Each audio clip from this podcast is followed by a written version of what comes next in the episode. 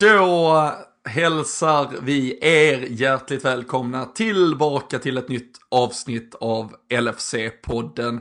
Det är dagen före dopparedagen, det är den 23 december och eh, vi ska väl på vårt eget lilla vis fira lite julafton så här i förkant. Det är ju eh, ja, underbara tider att vara Liverpool-supporter.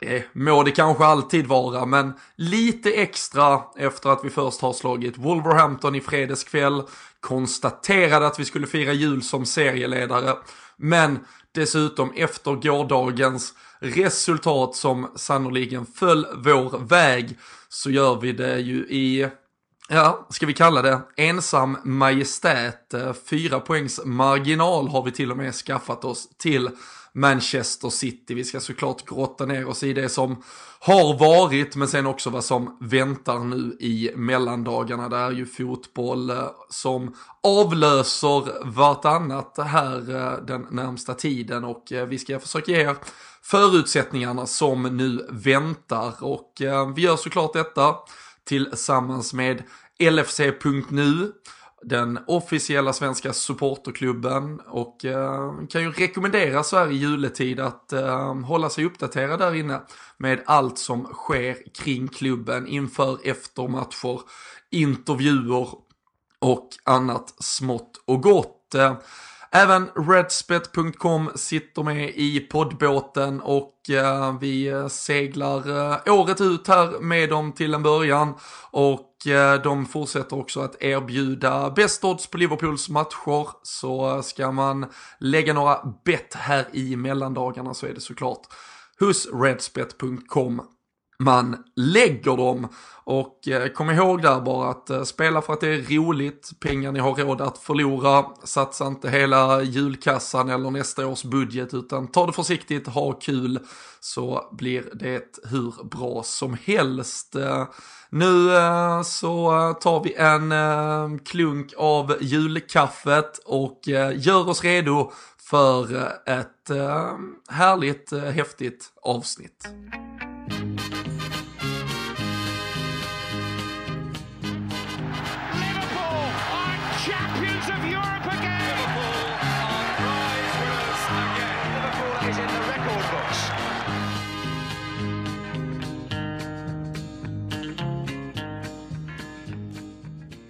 Jajamensan, eh, då eh, har vi eh, sköljt strupen, kanske någon som sitter med glöggen, någon som sitter med något ännu starkare, men för oss vanliga dödliga Daniel Forsell så är det en tidig morgonkaffe söndagen den 23 december. Hur är läget denna morgon? Nej, men jag håller väl med Det här är svårt att känna någonting annat än eh, ett ganska gött eh, lugn och eh, rätt behagligt känner man sig faktiskt. Det är julledigt eh, dagen före dagen som du säger här. Det är serieledning, det är resultat som går våran väg. Det är liksom lite så här mixade, lite nya känslor man inte riktigt fått prova på. Och så eh, redan innan det så tycker jag ju att detta kanske är den eh, alltså, roligaste tiden i stort sett på, på hela året. Där det är liksom matcher i stort sett varje dag. Man är lite ledig och har kanske, de flesta i alla fall, har möjlighet att, att kika på de här matcherna om man inte har alldeles för julstökigt och stressigt. Så nej, det är fina tider att vara fotbollssupporter och det är ännu finare tider att vara Liverpool-supporter. Så det är väl kanonbra tycker jag. Hur är det själv?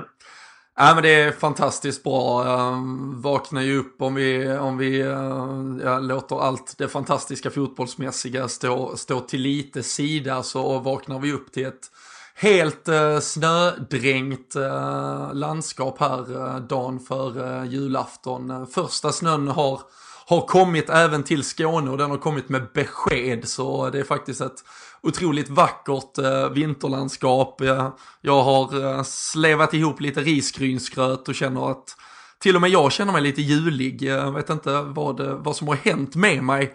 Men eh, det, det, det, känns bra. En, eh, en förkylning som är på väg ur kroppen också. Men eh, ursäktar på förhand att det är lite lite raspigt. Uh, har ju inte varit över och eh, skrikit i sönder den på någon match nu här de senaste dagarna så jag kan ju inte skylla på det ens. Men uh, vi ska väl kunna ta i mål ett avsnitt eh, ändå eh, tillsammans. Eh, är vi starka, som eh, Hamren hade sagt här, Danne helt enkelt. Men vi, vi börjar väl med statusen på, på Liverpool. Hur, hur känns allt kring eh, vår klubb just nu?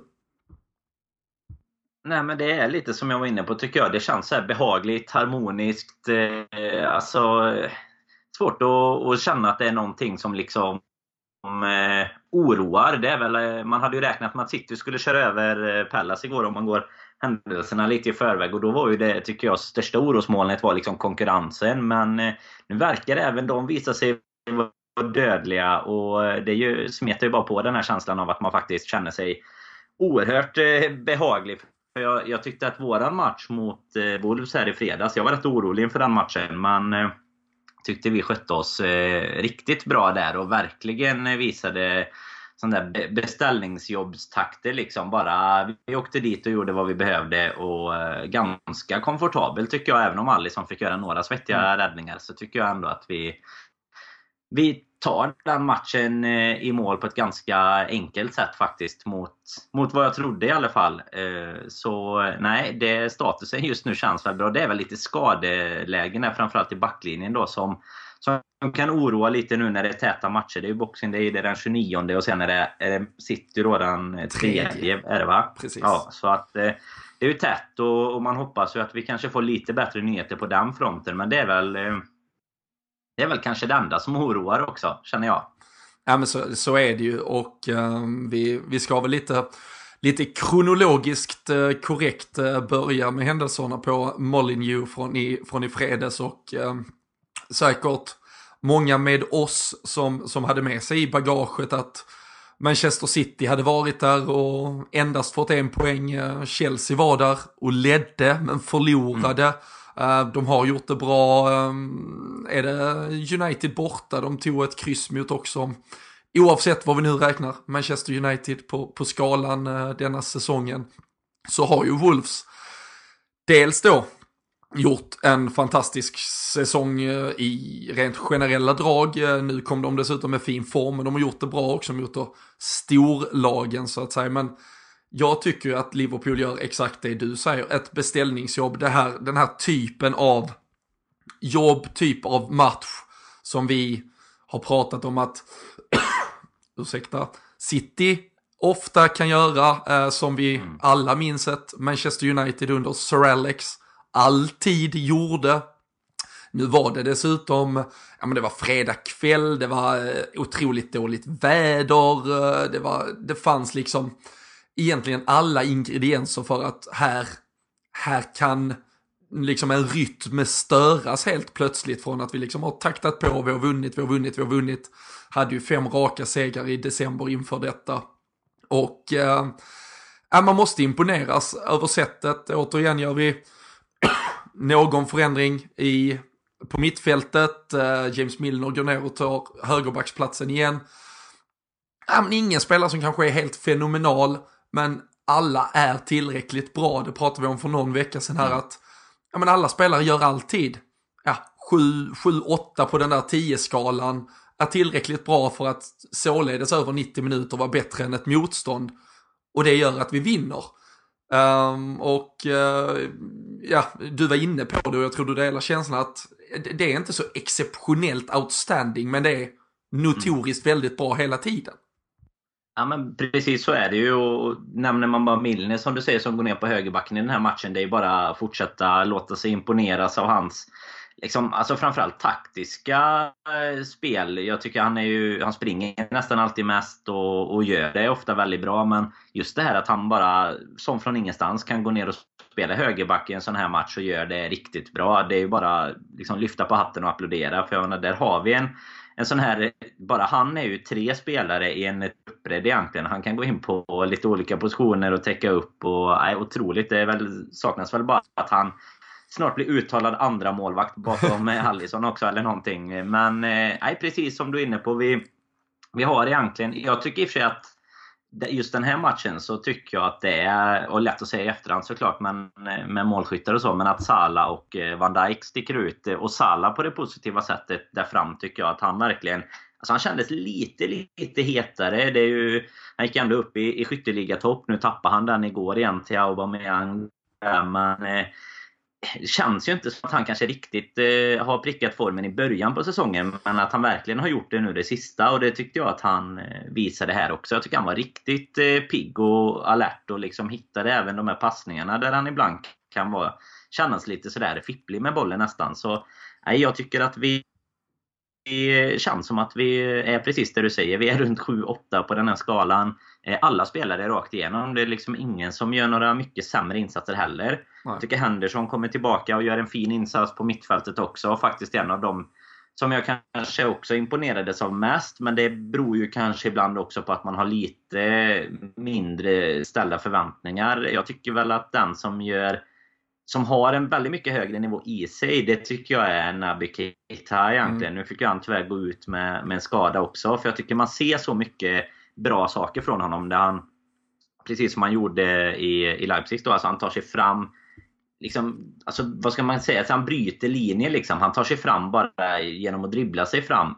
Men sen tycker jag att han saknar lite, än så länge i alla fall, det här synken med resten av laget. Eh, där han, ja, han hamnar liksom inte tillsammans med Firmino eller Salah. Så jag, tyckte, jag blev själv jäkligt arg i första halvlek. Jag tycker han har läge att passa Robertson liksom, ja, säkert tio gånger utan att han ens tittar åt det hållet. Och, eh, ja, jag vet inte, han har lite kvar men det är väl angenäma problem att det liksom är, är lite kvar hos honom bara som, som man kan sitta här och vara lite bitter på i efterhand. Annars tycker jag att allt... Eh, och han gör ändå en stabil match så, så jag tycker ändå att det ser, ser bra ut. Det som eh, skillnaden mot typ förra säsongen är väl att vi har inte de här riktigt superhöga topparna på samma sätt heller. Men då tappar vi också inte heller de här matcherna där vi kunde vinna med 5-0 först. Lite så som City har gjort i många matcher. Och sen åker vi och tappar en match istället. Utan nu vinner vi med, med två bollar här, en boll där. Och lyckas verkligen ta de här matcherna. Där jag, jag skulle aldrig se oss vinna en fredagkväll på Molineux liksom för två år sedan. Det, det hade vi inte gjort bara. Nej. Nej, det, alltså det, det, det, det känns bra. Ja, ja, men det gör det ju verkligen. Det, just beställningsjobb eh, är väl någonstans liksom eh, ja, hela kontentan kring det. Vi, vi åker och gör exakt det som behövs, eh, tycker du är inne på såklart intressanta saker med, med dels att eh, Salah fann sig lite mer till rätta. Jag tänker att vi ska prata lite om det. Virgil van Dijk ska vi absolut äh, prata om. Äh, där där får väl absolut min 7-8 skala ursäkta. Det var, det var 10 av 10 rakt igenom och äh, vi kan väl prata om honom på uh, snarare bäst i världen nivå. Um, vill jag bara stanna lite kring mittfältet, konstellationer och Keita. Och uh, där har man ju sett sen United-matchen nu när vi det, först spelar med Klein, sen spelar vi med Milner nu. Då har han ju velat använda Sadio Mané som en högerytter. Det har ju varit lite taktisk mm. förändring istället för den här kanske då typiska 4-3-3-varianten där det nu har varit en ja, nästan en 4-4-1-1 eller 4-2-3-1 beroende på hur man vill mm. leka med siffrorna. Nu var det Fabinho och Henderson som ganska ensamt hade hand om det centrala mittfältet. Keita blev då vänster länken i detta där han dock har, där har han såklart mycket överlapp från Robertson. Man är för att ta högerkanten, Firmino ligger bakom Salah egentligen i den i den centrala offensiven och det verkligen kred för, återigen då, det har inte liksom sett liksom extremt så här, eh, ja men exploderande och fantastiskt ut, men återigen har Klopp funnit en taktisk balans som trots allt har gjort att vi har haft en stark vänsterkant, vi har haft en stark högerkant, han har fått laborera med det men har hittat fina, ja men fina konstellationer som trots allt ger oss fortsatta krafter från både kanter och centralt håll. Vilket, uh, ja, kan då i, i någonstans i en balans där jag tycker man märker att det klagas lite på, ja men Mané kommer inte alls till sin rätt och sådär. Nej, alla kanske inte kommer till sin personliga optimala rätt. Men vi hittar ett sätt som gör att vi 11 mot 11 vinner våra matcher. Och, och där eh, märker man ju kanske att vi fans har det har ju inte varit prio, eller om man säger så här, det, att, mm. att, att, vinna matchen är inte det vi alltid har suttit och behövt sitta och prata om och diskutera, utan vi kanske snarare har suttit och pratat om en 3-3 match där fyra spelare var helt fantastiska och tre var ganska dåliga. Det behöver vi inte så mycket göra nu, utan nu behöver vi bara prata om, ja, laget Liverpool slog laget Wolverhampton, Vissa var lite bättre, vissa var lite sämre, men framförallt så var hela laget väldigt, väldigt bra. Och det är ju något nytt märker man äh, i sitt sätt mm. att både förhålla sig, att se matchen, att sen, ja, när det ska pratas efteråt, vilka som då stack ut eller inte stack ut. Det jag dock tyckte var väldigt bra här, för jag tycker att Salah har ju någonstans, från att varit den här ja, men, högeryttern som man inledde med och som liksom verkligen straffade sin vänsterback, tog sig in i ytan mellan mittback, vänsterback.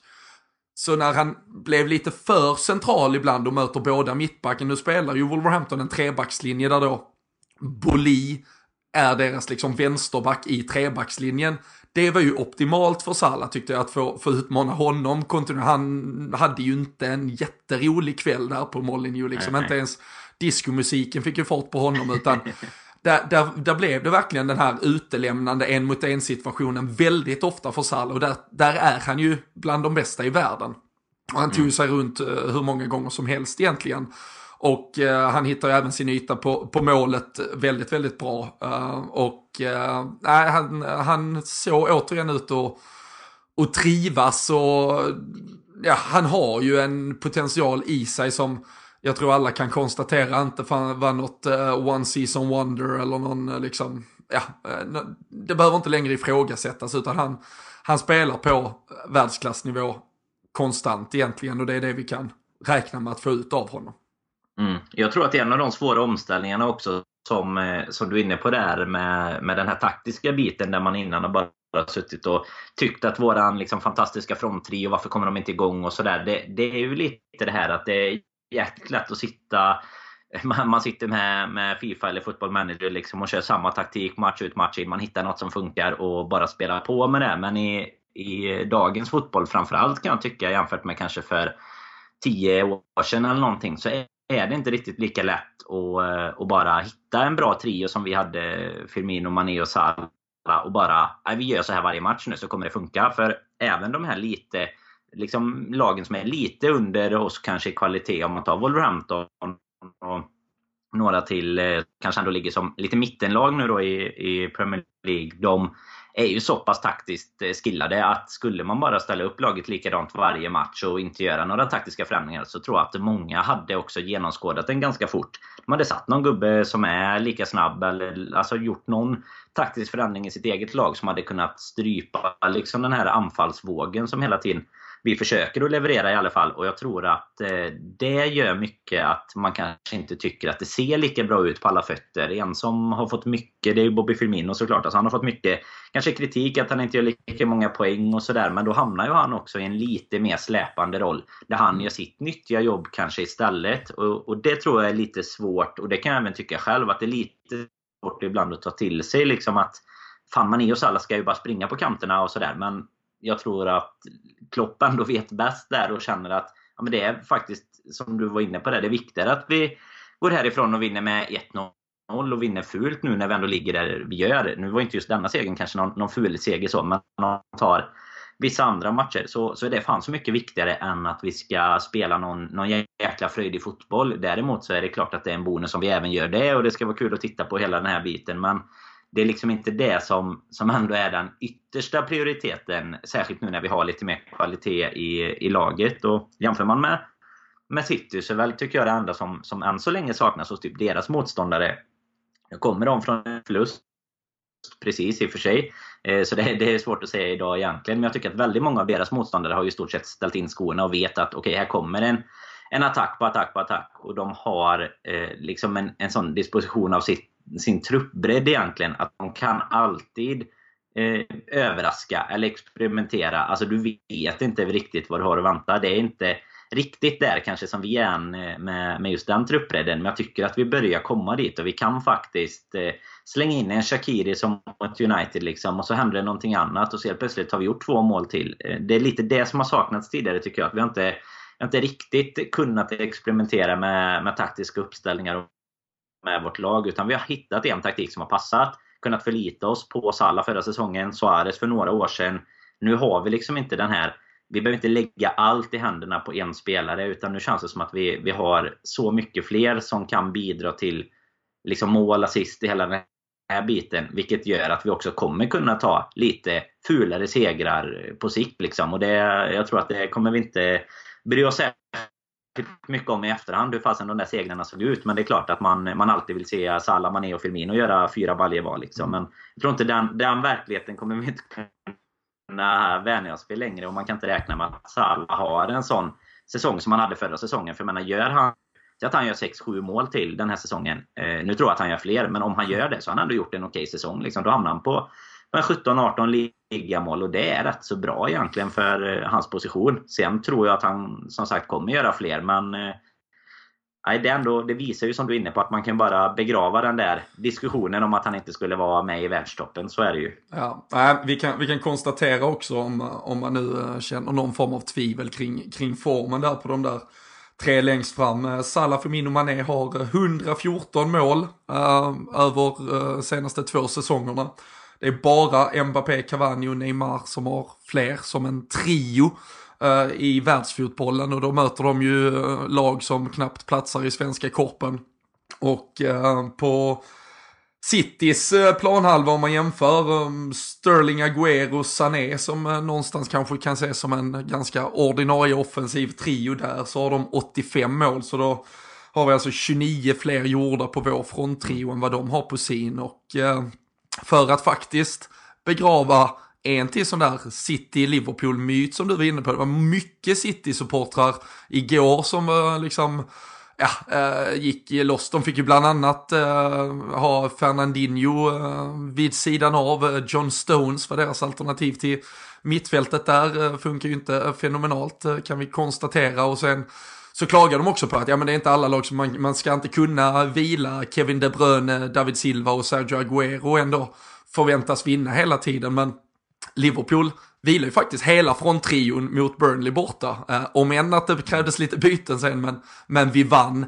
Eh, så det visar att vi kanske är närmre City än vad vi vill tro ibland också.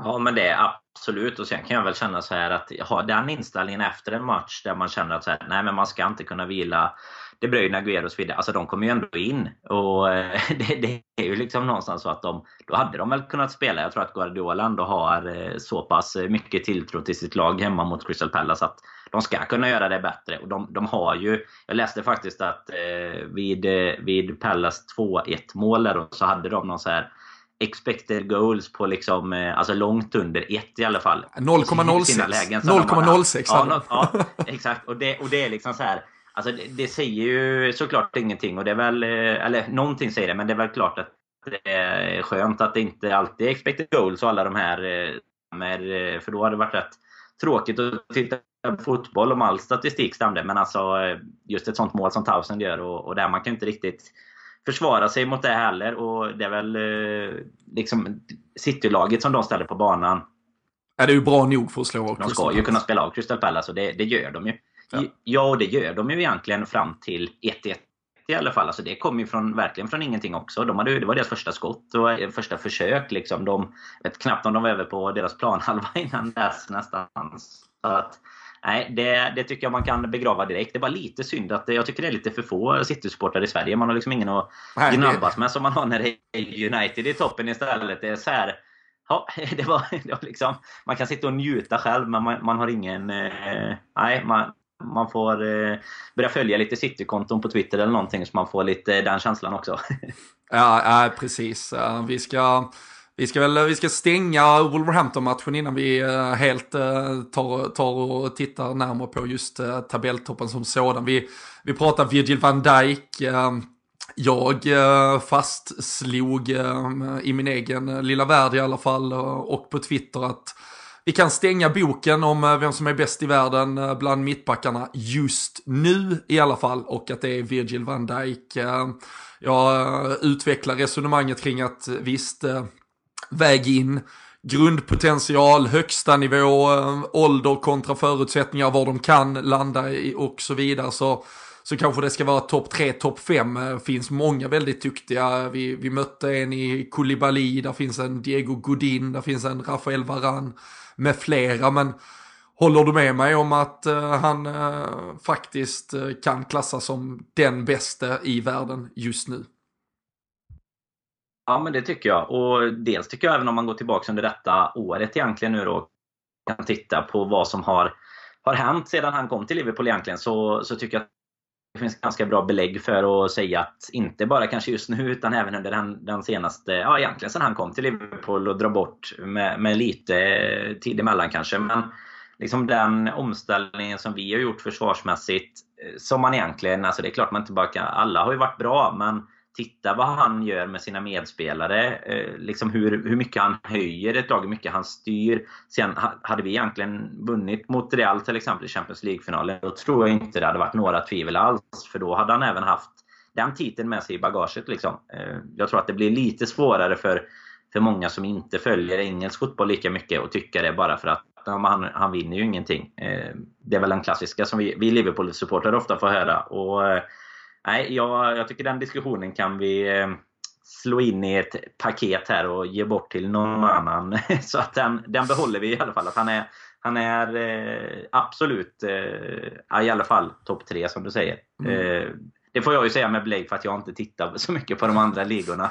Det, det, det baserar vi på att folk har, folk, folk, har påstått att den här Diego Godin kan spela fotboll helt Ja, enkelt. aldrig sett. Nej. nej. nej, men som Koulibaly till exempel som du nämner där, eh, som vi såg mot Napoli. Alltså, det är ju givetvis en av de, de bättre man ser ju många i, i Champions League och sådär såklart. Men jag tycker det är svårt att argumentera emot att van Dijk skulle vara med där och, och tampas med dem. Och det är bevisligen resultatmässigt, hur många, eller hur få mål rättare sagt, som vi har släppt in och så, så tycker jag inte att det finns så mycket man kan eh, ifrågasätta. För jag menar, det är ärligt talat eh, typ tre av de sju mål vi har släppt in i ligan kan man faktiskt lägga på Alisson dessutom. Så det, Mm. Det är lite sådär, eh, även om han har gjort det jättebra, så nu lägger jag inte något, något kritik mot honom så, men jag menar om man ser till van Dijks insatser då, så har det varit svårt att stävja sig mot de grejerna med. Han hade ju en riktigt god målsnummer, Alisson, där han Cruyff vände i sista sekunden. Ja, ja. Eh, om det var Jiménez eller Adama Traore eller vem det var som var framme och löpte. Så man, Ja,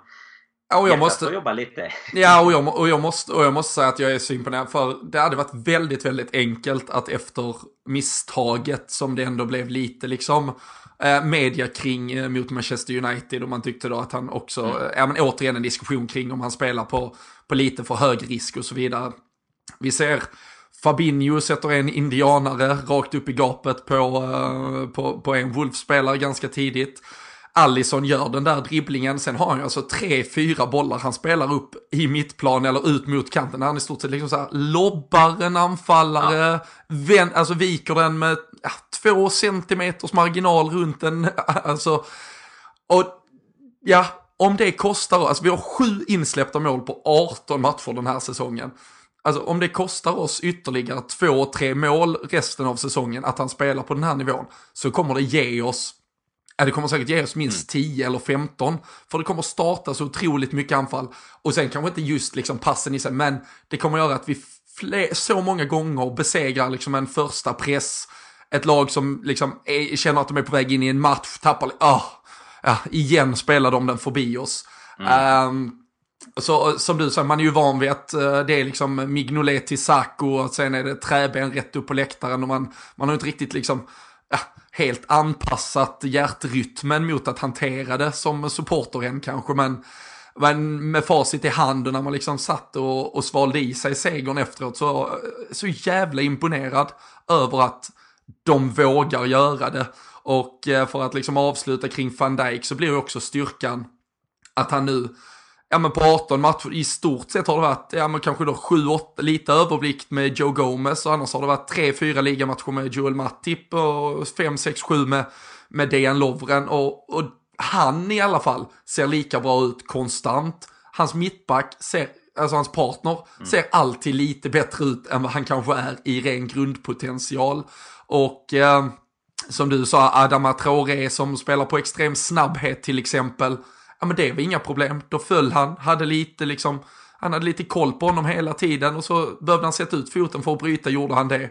Det var ju ett par situationer i andra halvlek där de är på väg ändå igenom, vill lite in i matchen. Han bryter inte ens ut bollen till hörna, så han bara smäller bort sin anfallare, mm. tar bollen och så lägger den till Robertson och så har vi ett anfall på gång. Liksom. Alltså det, äh, det var majestätisk uppvisning och äh, såklart krönt med ett mål också så, så sticker det ju ut på alla sätt och vis och tycker väl att vi kan ju vara efter... Men det är en helt otrolig... Mm. Så, jag tänkte säga, det är, det är ändå en helt otrolig så här innan vi, innan vi stänger matchen. Liksom det här som du är inne på med passningsspelet mellan målvakt och backlinje och så. Man jämför med, med City då, det är det enda laget som kan spela på den nivån tycker jag. Och det märker man stor skillnad på vad Klopp har fokuserat på inför den här säsongen tycker jag. Och nu när han har en målvakt som faktiskt kan spela det spelet. Eh, precis som man sätter ju hjärtat i halsgropen eh, i alla fall eh, fem gånger per match. Men, men det är så jäkla värt att, att se på det. Liksom, för det funkar ju i stort sett alltid. Och sen om man sätter en, en indianare som Fabinho gör men ändå löser det, då är det ju skitsamma också. För precis som du är inne på, det kommer ju leda till så mycket mer och motståndarlaget tröttar ut sig också. Kolla på en sån spelare som Adama till exempel. Alltså han, han lever ju bara på att han ska springa runt och vara lite snabbare. Och jag kan ge mig fan på att vi, tack vare att vi spelar på det sättet vi gör, så orkar inte han. Och då byts han sedermera ut också. Ja, eh, så att, nej, extremt imponerande.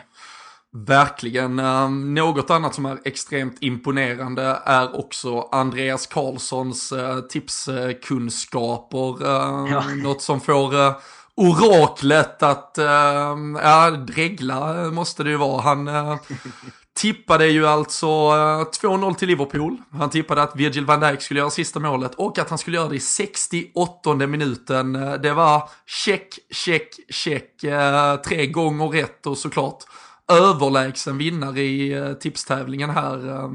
Nu sviker säkert minnet mig, men att man har satt allt med minut och helt rätt dessutom när det var en matchtröja i potten. Ja, där lyfter vi på den berömda Danne, till Andreas. Verkligen. Jag vet att det har suttit någon gång tidigare, men kanske inte med det här fina, fina priset i potten där. Det är ju eh, extremt eh, snyggt. Jag, jag såg faktiskt att det var någon som taggade in honom eh, i någon tweet där till oss precis i, i, slutet av matchen och då kom det något ytterligare läge så då satt jag och höll en, en extra tumme för Andreas också för det är fasen, det är inte ofta man sätter den. Jag har aldrig gjort det kan jag säga. Det är ju orakel och allt. Där, där ligger vi i läs. Och, ja. men, jag hade, men, men, jag tippade ju inte inför den här matchen jag menar jag hade ju säkert tippat 2-0 om jag hade tippat då. Absolut, absolut. Efterhandskonstruktioner är de bästa konstruktionerna. Ja, ja du, hade, du hade väl en trippel på 2-0 Liverpool, 3-2 Palace och 1-0 Leicester har jag för mig. Du skickade något. Ja, ja, ja. ja. Ja. det blir fina julklappar. Ja, det är bra. Jag, jag väntar på mina också helt enkelt. Men ja. äh, stort, stort grattis till Andreas såklart. Eh, stort tack till alla er som var med i tävlingen. Jag tror det kan ha varit nytt rekord. Det var väl en 150-160 personer som var med där och tävlade. Så väldigt skoj och väldigt kul att uh, vinnaren då är så uh, ja, klockren och exakt uh, så att vi inte ens behövde granska de andra tipparna helt enkelt. Andreas stod, stod ut bland mängden så Stort grattis! Eh, vi ger eh, Sam Dodds eh, lite julledigt men här efter alla helger så eh, är tröjan såklart på väg till dig helt enkelt. Har du något att njuta i hela våren där när Premier League nu ska avgöras. Och eh, nu har vi ju varit eh, inne på det när vi har studsat mellan både fredagen och lördagen. Eh, vi visste ju efter fredagskvällens match att Liverpool skulle få fira jul som serieledare. Vi har varit inne på det förr också att uh, det är ju något speciellt med det där att fira jul som just serieledare. Fyra senaste åren har julledaren vunnit ligan, men femte året, då hade vi som ledde och då sket det sig. Hur, hur viktigt är det med det psykologiska att leda nu? Nej, men jag tror ändå att det finns ju något med det. Alltså, många lägger väldigt stor vikt vid det, precis som du säger. Det är, eh, tyvärr är det ju två gånger på de senaste tio åren som vi faktiskt har gjort det och båda gångerna har vi lyckats eh, tappa. Men eh, det är klart det är viktigt hela tiden, tycker jag, särskilt i en sån här konkurrenssituation som vi är just nu mot City framförallt. Och det är klart att det är andra lag med också, men det är ju främst City. Kan ju bli 6 poäng ner till Spurs här nu om de skulle slå Everton idag, om inte minnet sviker mig här. Och då, då är det fortfarande så att det är eh, lite större glapp så jämfört med kanske deras spelform också. Tycker jag. Så att Mm. Ponerar man att det står mellan, mellan oss eh, främst då, så är det ändå rätt ovanligt att två lag går så pass starkt. Jag menar, hade de, eh, nu förlorade de i och för sig sin andra match på, på tre omgångar, så att nu ser ju deras rad lite sämre ut såklart. Men eh, det är ju... Det känns inte som att... Jag, jag tar i alla fall inte ut något i förskott av det, men man kan ju känna att eh, det är dags för någon så här tredje gången gilt eh, situation för oss i alla fall då. Med ledning vid jul och eh, det ser ju sannoliken bättre ut lagmässigt tycker jag mm. än vad det har gjort de här andra gångerna. Det var väl 08-09 såg det ju Alltså då var ju laget kanske bättre som helhet än vad det var 13-14 tycker jag när vi kunde mest förlita oss på, på Suarez och, och Sturridge till viss del också såklart Sterling med.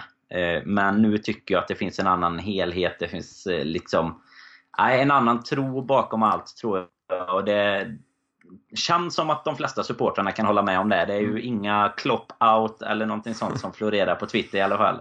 Nej, Nej och jag tycker man ska, alltså de stora skillnaderna, om man tittar 08-09 kanske också är den, alltså det närmsta vi kommer någon form av uh, helhet i vad gäller något truppbygge. Men det var också med en väldigt skade drabbad Fernando Torres som liksom eh, spjutspets, eh, USP, han som skulle göra det. Och, och där kan man trots allt hämta någon, ja i alla fall liten liknelse i det Manchester City vi ser då mot ett Manchester United som, som där och då kring eh, slutet av ja, 0-0 upp mot 10 var, var fenomenala och hade också en, en truppbredd som som sannoliken eh, var, var på absolut högsta internationella nivå. Det var ju där de spelade ett par Champions League-finaler i, i den eh, vevan också och, eh, och hade ja, egentligen världsklasspelare på varenda position och det var ju de som den gången till slut liksom knäppte oss på näsan och, och vann trots att vi höll uppe tempot. Det är väl den fortfarande notering som det bästa en tvåa någonsin har haft i Premier League, 86 poäng Um, och um, nu uh, talar väl allt för att vi kommer att se nya rekordnoteringar för ett, uh, ett andra lag uh, denna säsongen oavsett om det blir Liverpool, Manchester City eller någon annan idé. Men sen som du är inne på 13-14, där visste vi ju hela tiden att vi var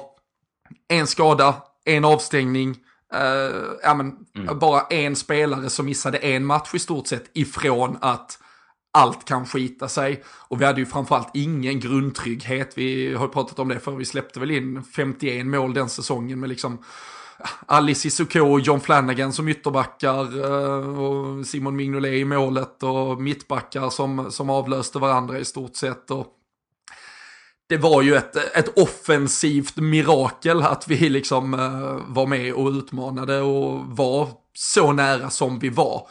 Men eh, den här säsongen sticker ju såklart ut som den där vi tickar i stort sett alla boxarna och har ett lag som på allvar, ja men där i alla fall vi i våra egna händer tror jag kommer rida ut 38 matcher och ha noterat ett resultat och en prestation som är fullgod för att faktiskt förtjäna guldet. Sen vad Manchester City gör, det kommer vi inte kunna styra. Jag tycker Klopp är väldigt bra i hur han pratar kring det också. Att vi kan bara koncentrera att ja, alltså gör vi en liknande andra halva på säsongen, ja men då, då har vi verkligen gjort vårt. Om det är mot för all jävla förmodan liksom inte räcker, då, ja, då, då är det så sinnessjukt liksom, så då, alltså då, då kan vi inte ens orka bry oss.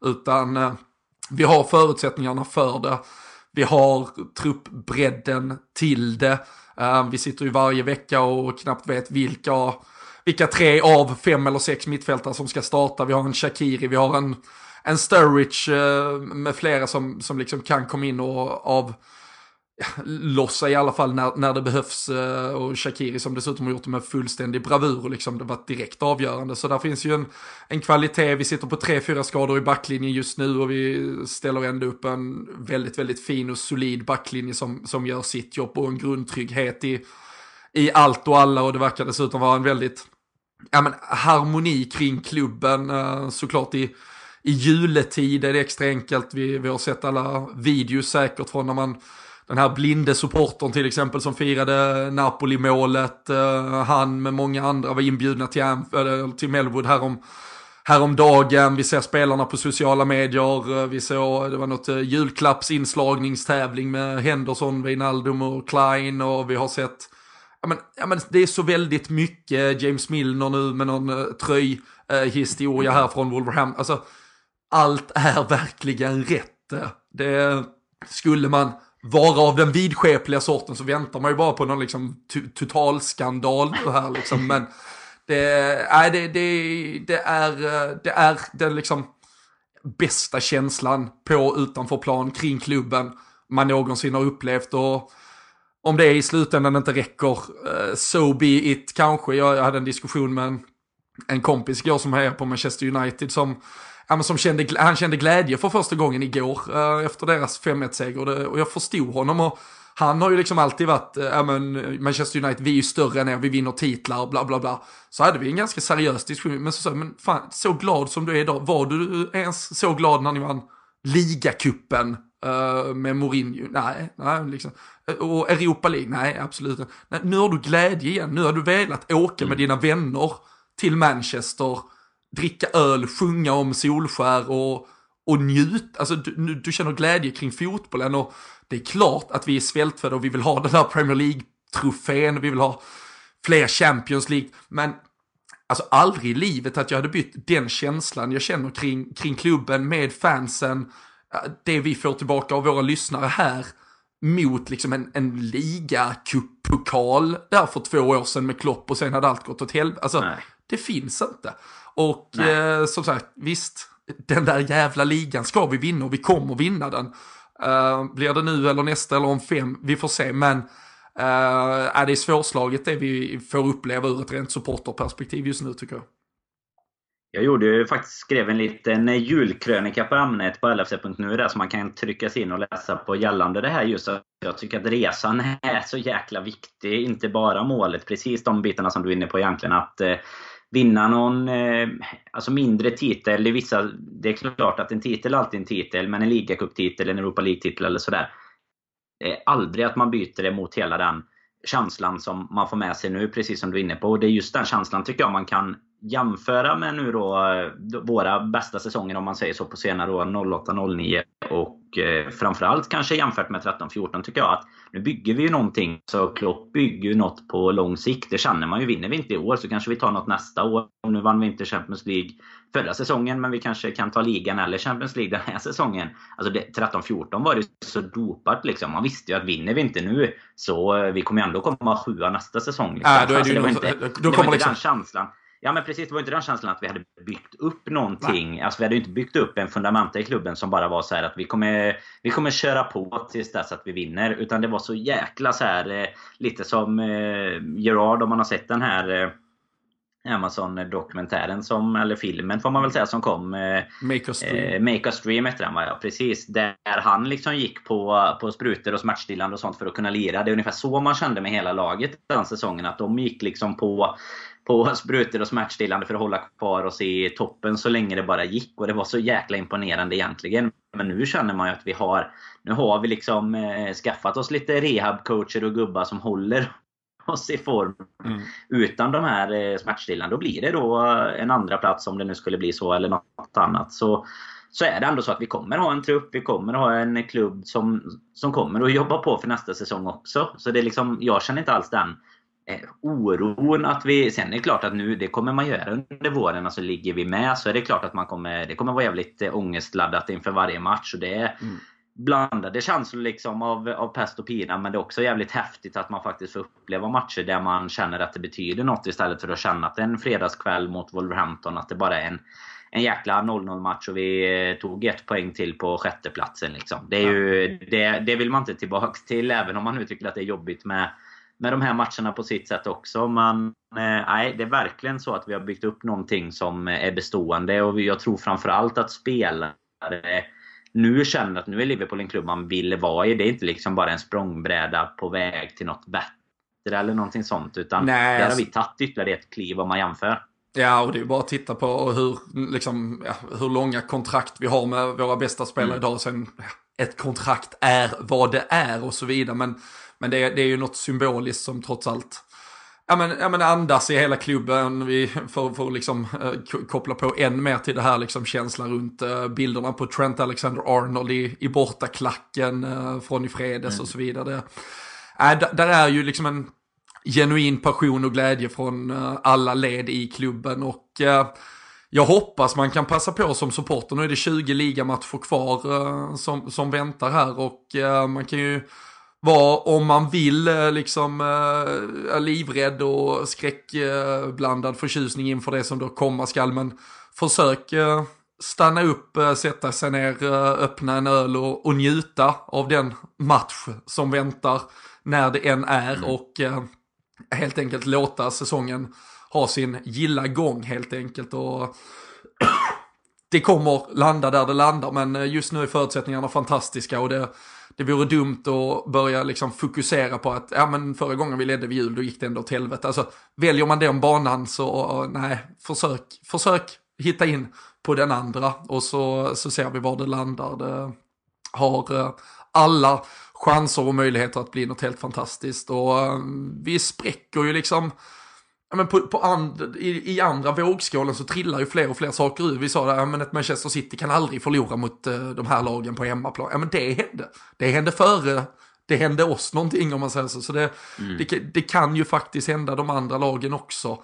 Och um, nej, vi um, bör vara ja, redo att bara njuta av det som väntar helt enkelt. Och du, du, och jag satt ju och spelade in Robin inför säsongen den här eh, lite, ja du vet vad vi trodde skulle hända mm. under säsongen. Jag kommer inte ihåg precis vad vi satte oss på nu men jag minns att vi satt och diskuterade det här med insläppta mål och bara fan 26 eller vad vi sa. Det är typ aldrig någon som har, eh, har gjort innan liksom. Eh, så så lågt kanske vi inte kan sätta. Man kanske kan sätta 30 liksom. Nu har vi släppt in 7, 7 på nästan hälften. Alltså jag räknar inte med att Newcastle ska göra mål på Anfield så jag säger 7 på halva mm. säsongen. Men de kan mycket väl göra det. Men vi säger 7 eller 8 då. Då har vi liksom ja, 15, 16 ja. mål kommer vi släppa in på hela säsongen om vi håller det snittet. Det är ju helt, det kommer ju vara ett eh, rekord som liksom eh, Alltså det cementerar ju sig på 10 mål bättre antagligen än ja, vad alltså det, något har, det har, gått ganska, gjort innan. Det har gått ganska snabbt nu för Manchester City att plötsligt ha släppt in 13. Liksom. Alltså, vi, vi, så vi är dubbelt ja. så bra som den näst bästa just nu i stort sett. Och, uh, jag tittar ju på det också. Vi, vi mötte ju Allison två gånger uh, när han stod i Roma. Då gjorde vi sju mål på honom på, på två matcher. Uh, håller vi nolla mot Newcastle så kommer övriga 19 Premier League-lag har fått varsitt försök, alltså 19 matcher och så har de gjort lika många mål uh, som vi gjorde på två mot, mot honom. Så det, Ja, det är ju det är, det är en helt sansad. Jag såg faktiskt, på tal om det, för jag diskuterade med en kompis som han, han bettar en del och underspelet, eller linan som det brukar kallas där eh, på, på Liverpools insläppta mål var 38,5 mål. Uh, man kunde spela att de släppte in mm. mindre än 38,5 uh, till 1,85 gånger pengarna. Det hade varit ganska säkra pengar tror jag. Det kommer man inte kunna göra nästa Nej, den, den eh, kommer nog vara 10-12 ner den där linan i alla fall. Eh, så eh, ja. nej, det, nej det, men det är ju ett helt nytt Liverpool vi, vi således ser såklart. Och uh, nu väntar uh, som sagt Newcastle först och främst på annandagen. sen är det Arsenal den 29. Så det är ju eh, viktig mellandagsfotboll från Anfield. Det är dubbla hemmamatcher som gäller för oss. Eh, de har ju minimerat resandet lite för lagen. Eller vissa är ute på så att säga turnéer och så hälften av lagen stannar hemma hela den här julperioden. Eh, så City till exempel, de spelar två bortamatcher istället för att bara titta snabbt på hur det ser ut för dem. Så har de Leicester på Boxing Day borta, ett Leicester som slog Chelsea igår ska vi ju också såklart konstatera och eh, sen så åker de och möter, ska vi säga, Southampton söndag den 30 december. 15, ja. ja, precis. Det är ju full fart på Hasselhüttels nya gäng och Danny Ings eh, kan ju bli eh, en, ska vi säga, en, en Roy Hodgson 2.0, ännu en Liverpool-legend som gör, gör jobbet för oss i undercover-dräkt helt enkelt. Men vi fokuserar såklart först på det som väntar för vår del. Den, Newcastle, uh, Rafa Benitez, uh, mm. blir det läggmatch från hans sida? Ja, men det är väl läge som du var inne på där att uh, våra gamla legender ska göra oss lite tjänster nu tycker jag. Men nej, de, de kryssade ju igår mot Fulham 0-0 hemma. Eh, extremt eh, svagt skulle jag säga att kryssa mot. Nu har de i och för sig ny tränare i Ranieri och, och sådär. Eh, kommit igång kanske lite bättre men Fulham har ju varit, eh, alltså släppt in extremt mycket mål. Jag vet inte, eh, svär inte på detta men det bör ha varit deras första nolla kanske. Som de höll nästan. Och, de har släppt in 42 de, de har inte totalt. imponerat.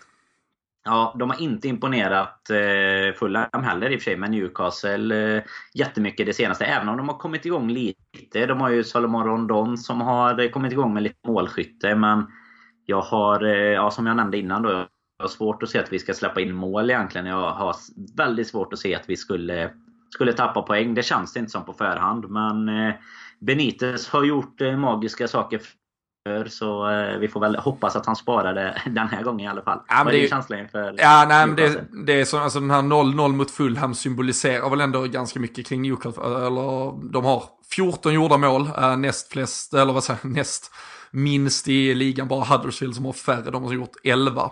Sen har de däremot varit eh, defensivt ganska solida då, 22 insläppta eh, är ju väldigt typiskt eh, just Rafa Benitez. Det är ju liksom färre insläppta än Arsenal, färre insläppta än Manchester United. Även Watford, Bournemouth som ligger uppe i toppen har ju släppt in fler än vad Newcastle har gjort. Så målsnåla är de ju, så vi kanske inte heller ska förvänta oss att det plötsligt blir omgången då vi gör fem mål och liksom eh, ser den här eh, superattackfotbollen eh, återupplivas. Men 2-0, 3-0, Liverpool ett beställningsjobb på nytt som sen leder oss in mot, mot Arsenal och City-matcherna där på varsin sida nyår.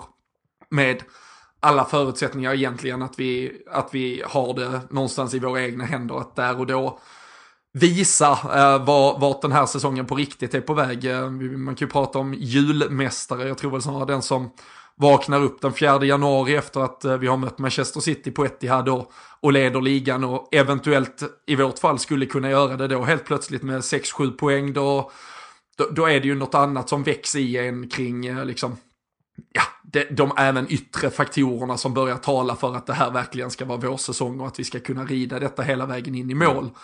Men uh, vi måste ju såklart skaffa oss förutsättningarna mot, uh, genom att fortsätta göra jobben uh, i de här matcherna vi ska göra det i.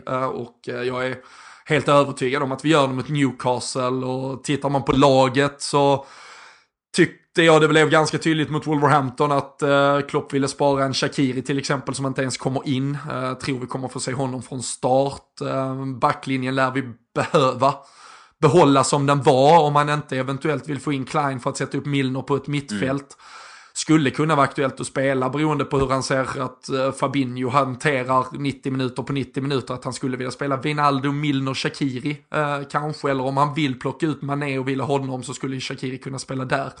Um, men jag tror vi jag tror vi får se det ganska intakt, eh, men att eh, om vi tar i alla fall bara tittar på bänk kontra startelva så tror jag vi får in Gini Wijnaldum och vi får in Shakiri från start. Eh, och sen exakt hur det laboreras i övrigt. Men eh, det, det ger ju oss också en trygghet att ha de möjligheterna inför varje match. Att göra ett par, två, tre, fyra förändringar och känna att vi har exakt samma förutsättningar för att vinna matchen som vi har om vi inte gör de där ändringarna egentligen. Ja men verkligen. Det är väl det som är, som vi var inne på innan, som är kanske den största skillnaden mot eh, hur vi har haft det tidigare år. Att vi, vi faktiskt kan både inför en match göra de förändringarna som kan förbättra eller taktiskt ändra lite. Eh, alltså skruva på de här skruvarna som gör att eh, vi kanske kan anpassa oss efter motståndet. Och sen då att vi faktiskt kan slänga in spelare också som kan förändra matchen. Vi, nu kom en spelare som Lalana in senast till exempel. Gjorde ändå rätt bra tyckte jag när han kom in. Men Gjorde några till exempel. Gjorde några fina dragningar och så som man, man vet att han behärskar. Men tar man en Shakiri till exempel då, när han har kommit in. Det blir en annan spets. Liksom. Han har kommit in och verkligen avgjort matcherna. Medan vi tidigare kanske haft spelare som har kommit in och bara eh, ja, men fortsatt i, i, samma tempo, eller vad man ska kalla det. De har, de har kört vidare på det som faktiskt var innan bytet.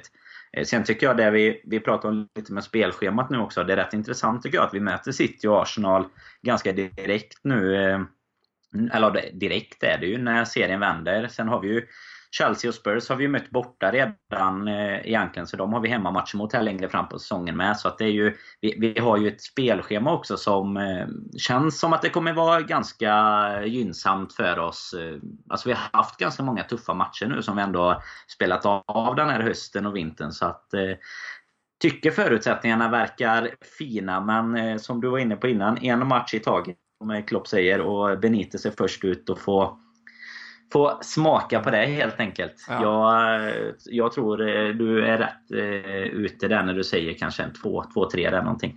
Ja. Tror jag.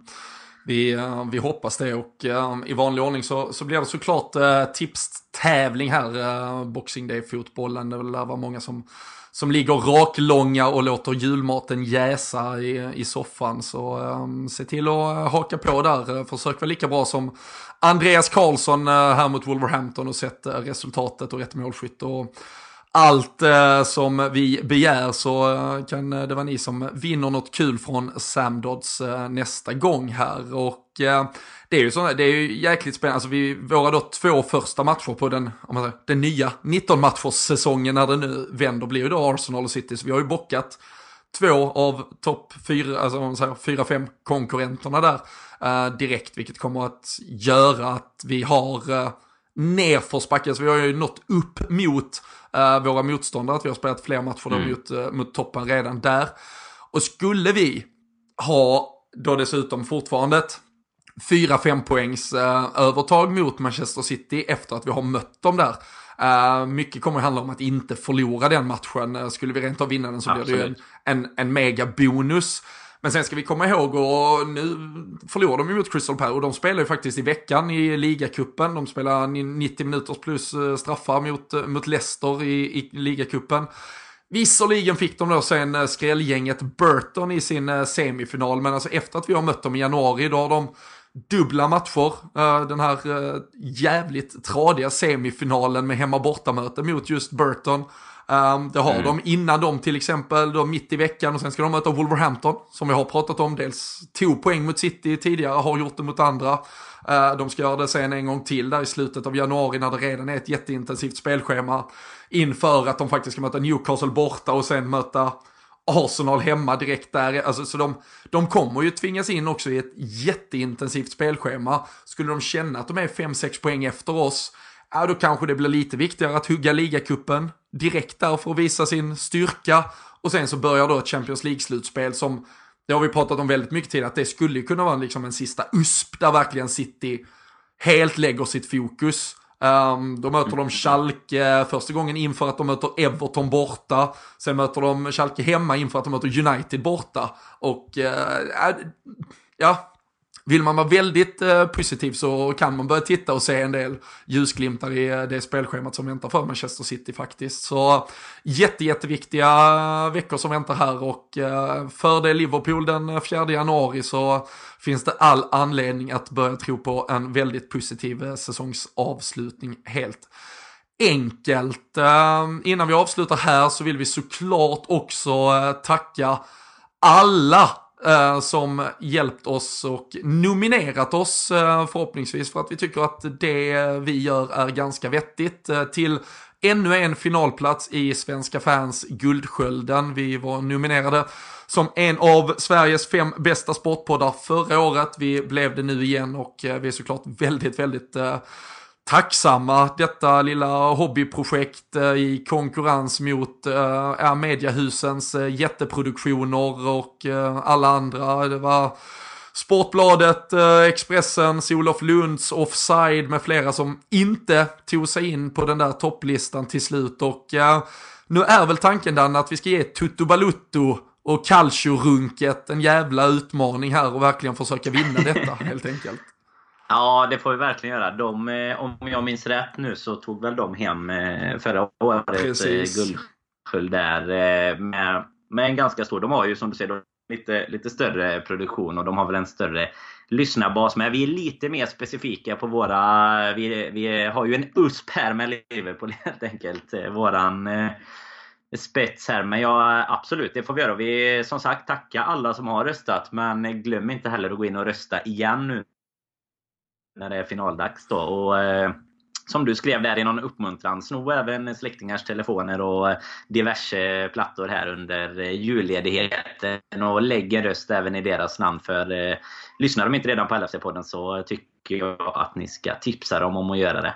Ja men precis. Eh, det, det, det, är inte som, som i liksom, som den här känslan kring Liverpool där det viktigaste kanske både är känslan är, är det viktigaste och att uh, ibland skulle en titel kunna vara sekundär. Här handlar det bara om att vinna helt enkelt. Så här är vi beredda att gå över lik uh, för att uh, ta hem segern. Uh, det har ju varit en nomineringsfas och nu är det då fem utvalda i varje kategori. Så surfa in, ni hittar länkarna via våra kanaler. Annars eh, kan ni bara söka final Guldskölden till exempel så, så kommer ni direkt till den här landningssidan där man väljer ut och man måste inte svara i alla kategorier men på årets sportpodd blir vi ju skitglada om ni väljer LFC-podden, fyller i ett namn och eh, skickar in och eh, rösta för glatta livet eh, helt enkelt så eh, ser vi 7 januari eh, avslutas det här eller eh, så efter 13 helgen så det hinner ni med att göra både 1, 2 och 17 gånger helt enkelt. Men nu passar vi på att önska er alla en helt eh, fantastisk jul. Se till att njut, eh, försök smälta ner den här hösten eh, och eh, låt den liksom eh, ligga och gotta sig tillsammans med god mat, god dryck i vänner och familjs härliga sällskap. Och stort tack för att ni är med oss, lyssnar och gör, gör det värt att sitta och göra detta flera gånger i veckan och vi lovar att eh, fortsätta under de här juldagarna. Ni hör oss igen efter Newcastle-matchen såklart eh, när det väntar stormöte därefter mot Arsenal. Men eh, Daniel, framförallt till dig först och främst, god jul och till alla våra lyssnare en helt underbar, fantastisk jul till er också. Tack för att ni är med oss. Ha det gott.